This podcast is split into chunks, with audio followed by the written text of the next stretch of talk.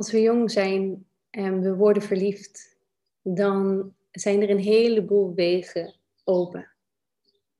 En als we jong zijn en we worden verliefd en we zijn al met iemand, dan zijn er nog steeds een heleboel wegen, deuren open. Om ons hart te volgen. Wat dat ook maar mag betekenen. Hè? En ehm, samen met de ander te zijn op wie we verliefd zijn geworden. Ik maakte, het, ik maakte het zelf ook mee, meerdere keren. Toen ik 21 was, nog in mijn studententijd. En ik had mijn eigen kamer. En mijn vriend woonde in een andere stad en studeerde daar. En ik werd verliefd op iemand die ik leerde kennen op mijn, uh, op mijn academie, de kunstacademie. En de liefde was heel echt, heel waar. Um, het was zo groot dat het niet te stoppen was. Dat ik alleen maar voelde, ik moet bij jou zijn, nu. En mijn situatie was ook zo dat ik niet al te veel mensen zou kwetsen als ik dat zou doen. Als ik weg zou gaan bij mijn partner. Goed, ik dacht natuurlijk wel aan mijn schoonfamilie en natuurlijk, hè, natuurlijk aan mijn partner. En ik vond het heel moeilijk, want ik hield nog steeds heel veel van hem. Maar dat gevoel van binnen van ik moet bij jou zijn, dat was niet te stoppen. Maar al heel gauw kwam ik erachter dat het dat niet was. Dat ook al was ik bij die ander, dat ik daar niet vond wat dat verlangen in mij wilde. En dat was interessant. En dat gebeurde niet alleen die keer. Het gebeurde ook andere keren toen ik verliefd werd op een ander dan mijn nog steeds huidige partner waarmee ik al twaalf jaar samen ben. Steeds weer werd ik verliefd. En steeds weer kwam die hele sterke impuls in mij die zei: Ik wil met de ander helemaal samen zijn. Ik wil daarmee versmelten.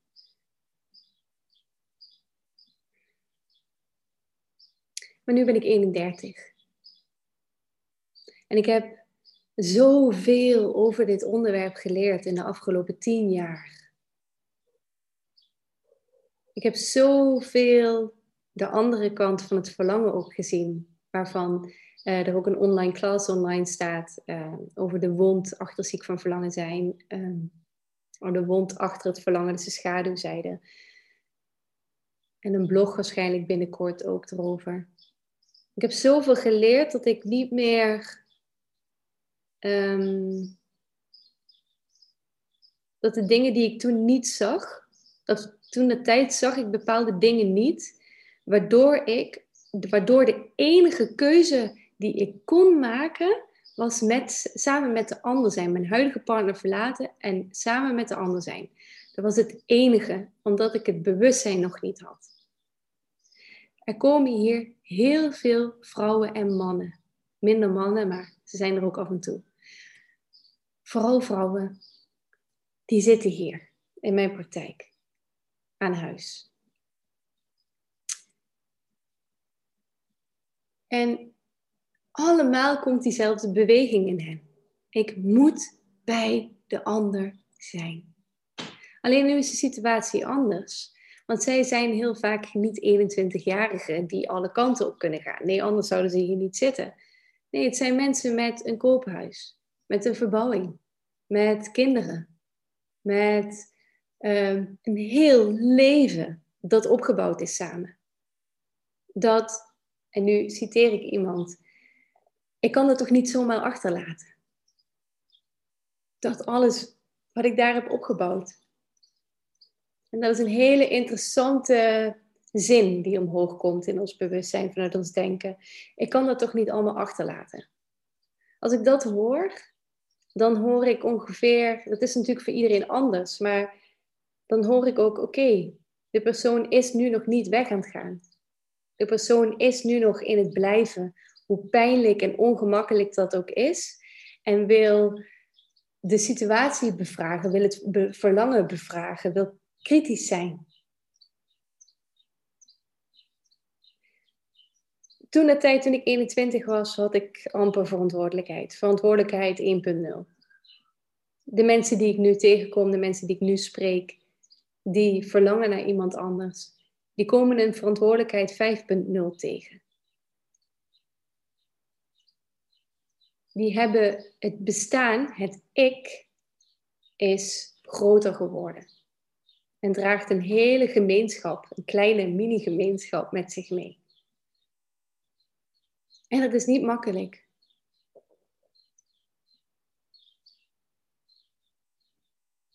Het is heel moeilijk zelfs.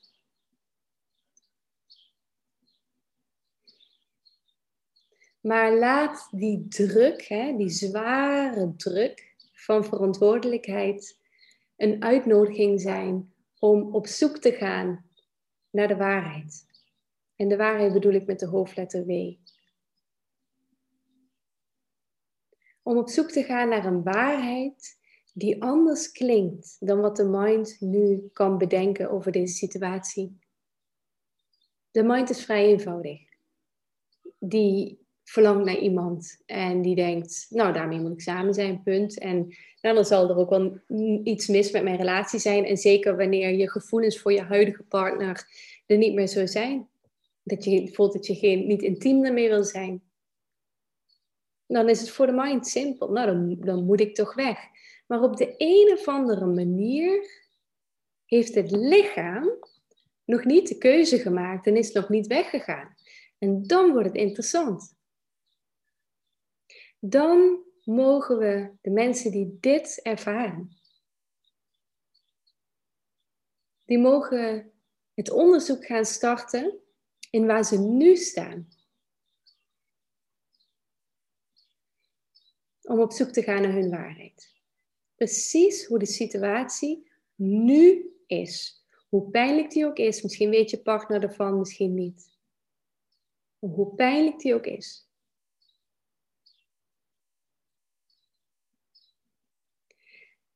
En dan mogen we met een open blik gaan kijken naar het verlangen. Naar, dat, naar die enorme aantrekkingskracht. Naar dat ik kan me bijna niet meer bedwingen. Ik heb me zelfs, er zijn mensen, een heleboel mensen, ik heb me ook al niet meer kunnen bedwingen. Het is al zo groots geworden. Dit. Ik leef echt in twee werelden. Ik voel me zo verscheurd, hoor ik dikwijls kan ik me heel goed voorstellen. En ondertussen is er de druk van de kinderen en van een sociale of een, een financiële situatie ook. Want hoe onze maatschappij nu eenmaal is, nog steeds de constructie van onze maatschappij, is dat je als je tweeverdiener bent en samen bent met iemand en is allebei verdient, dat je dan wel een beetje een gezond bestaan, evenwichtig bestaan kan opbouwen. Dus eenmaal dat je zover bent om een andere keuze te maken en een risico om daaruit te stappen. En misschien is het voor een ander, maar wie weet werkt het niet. Hè? Het zijn natuurlijk allemaal gedachten die ook in je hoofd allemaal gaan, die de mind allemaal afspeelt de hele dag door. Ehm, misschien bij jou, bij een heleboel mensen in ieder geval. Um, eenmaal als je dat, tot, tot je dat tot punt bent gekomen om dat te doen, dan mag er wel een, uh, ja, een, vertrouwen in jezelf opgebouwd zijn dat dit de meest logische stap is. Maar een heleboel mensen zijn daar dus nog niet. En die zitten in, dat, um, in die limbo. In het Engels noemen ze dat ook wel de, de liminal space. Dus je bent niet meer waar je vroeger was. Je bent niet waar je morgen zal zijn, maar je bent ergens tussenin. En dat is een hele ongemakkelijke, pijnlijke situatie. En daar, in die pijn en in dat ongemak, daar mogen we nieuwsgierig naar worden. En er zijn een aantal vragen die ik uh, je wil stellen. Dat gewicht hè, van die verantwoordelijkheid kan heel zwaar voelen. Maar ik zie het dus als een uitnodiging om op zoek te gaan naar de waarheid. En om dus voorbij te gaan aan het idee van de hallmarkliefde. De ik ben verliefd op jou en daarom moet ik met jou zijn. En het is wederzijds. Ja, dan moeten we. Hè? Geen twijfel over mogelijk. Maar de realiteit is om de een of andere reden ingewikkeld. En daarom mogen we onszelf dus andere vragen gaan stellen. En mogen we onbekend gebied betreden. een gebied wat waarschijnlijk nog niemand ooit aan jou heeft laten zien. Een gebied wat je nog nooit bij je ouders misschien hebt gezien. In je andere familieleden. Niet bij je vrienden. En het gaat verder. Waarom ben je werkelijk gaan verlangen naar de ander? Dat mag een vraag worden. Een hele open vraag. En ik ga je meerdere vragen stellen. En ik wil in je vragen, de mind die zal gelijk prut, allemaal antwoorden geven. Maar ik wil jou vragen om te kijken, oké, hoe kan ik open blijven staan voor dat er ook misschien een antwoord is wat ik gewoon op dit moment nog niet weet. Dus waarom ben ik werkelijk gaan verlangen naar de ander? Weet ik niet. Op dit punt weet ik dat nog niet.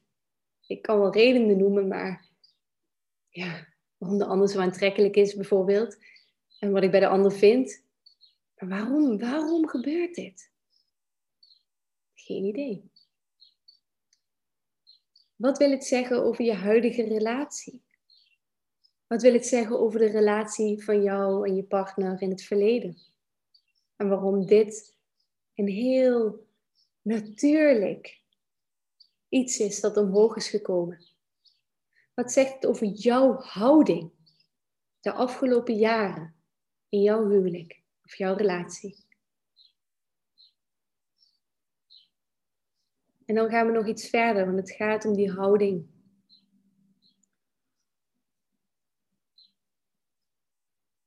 Wat zegt het? De ontmoeting met de ander en wat je bij de ander vindt.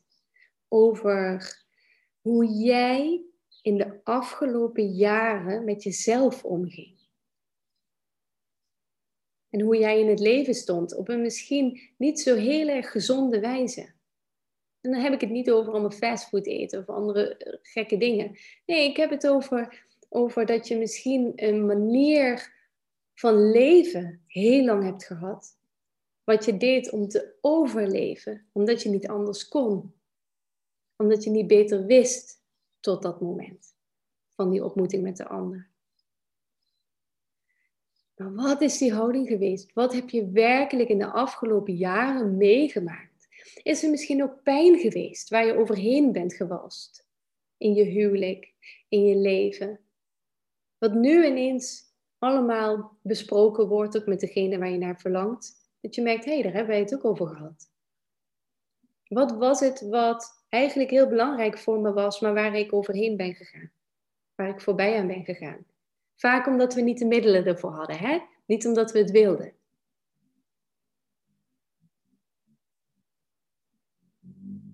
omdat we niet anders wisten. Wat is de ontmoeting met de ander? Wat voor diepere waarheid raakt het in jou?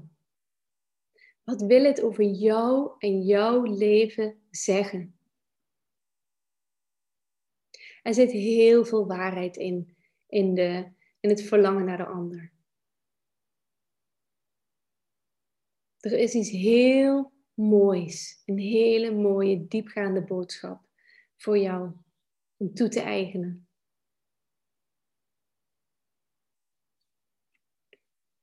En daar mogen we eerst achter komen. En daar gaat tijd overheen. Heel veel ongemakkelijke, pijnlijke tijd. Wat voor heel veel groei staat. Het is een tijd waarin je regelmatig gaat teruglopen naar wie je werkelijk bent. Een tijd dat als je over vijf jaar terugkijkt, dat je denkt, wow, het was niet makkelijk, maar ik heb het gedaan. En dan ben ik daar blij mee, want ik voel me zoveel levendiger op dit moment.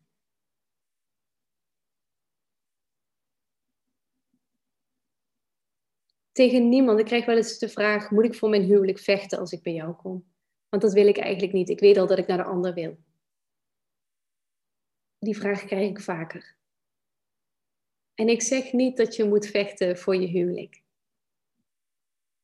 Maar ik zeg wel dat je moet vechten voor de waarheid. En dat we kritisch mogen zijn naar wat, wat die mind allemaal aan verhalen bedenkt. En dat er een heleboel in onze schaduw leeft, wat naar boven wil komen als wij het toestaan en met de juiste vragen en de juiste begeleiding. En het kan heel goed zijn dat ik dat niet ben. Kan ook zijn van wel, als je een klik voelt.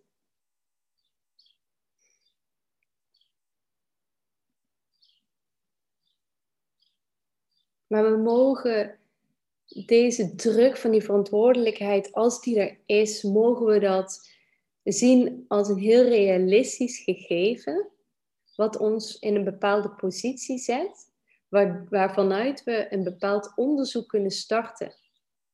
Wat wel om een heleboel geduld vraagt van jou, van je partner, van de omringenden, maar waarin je een heleboel leert.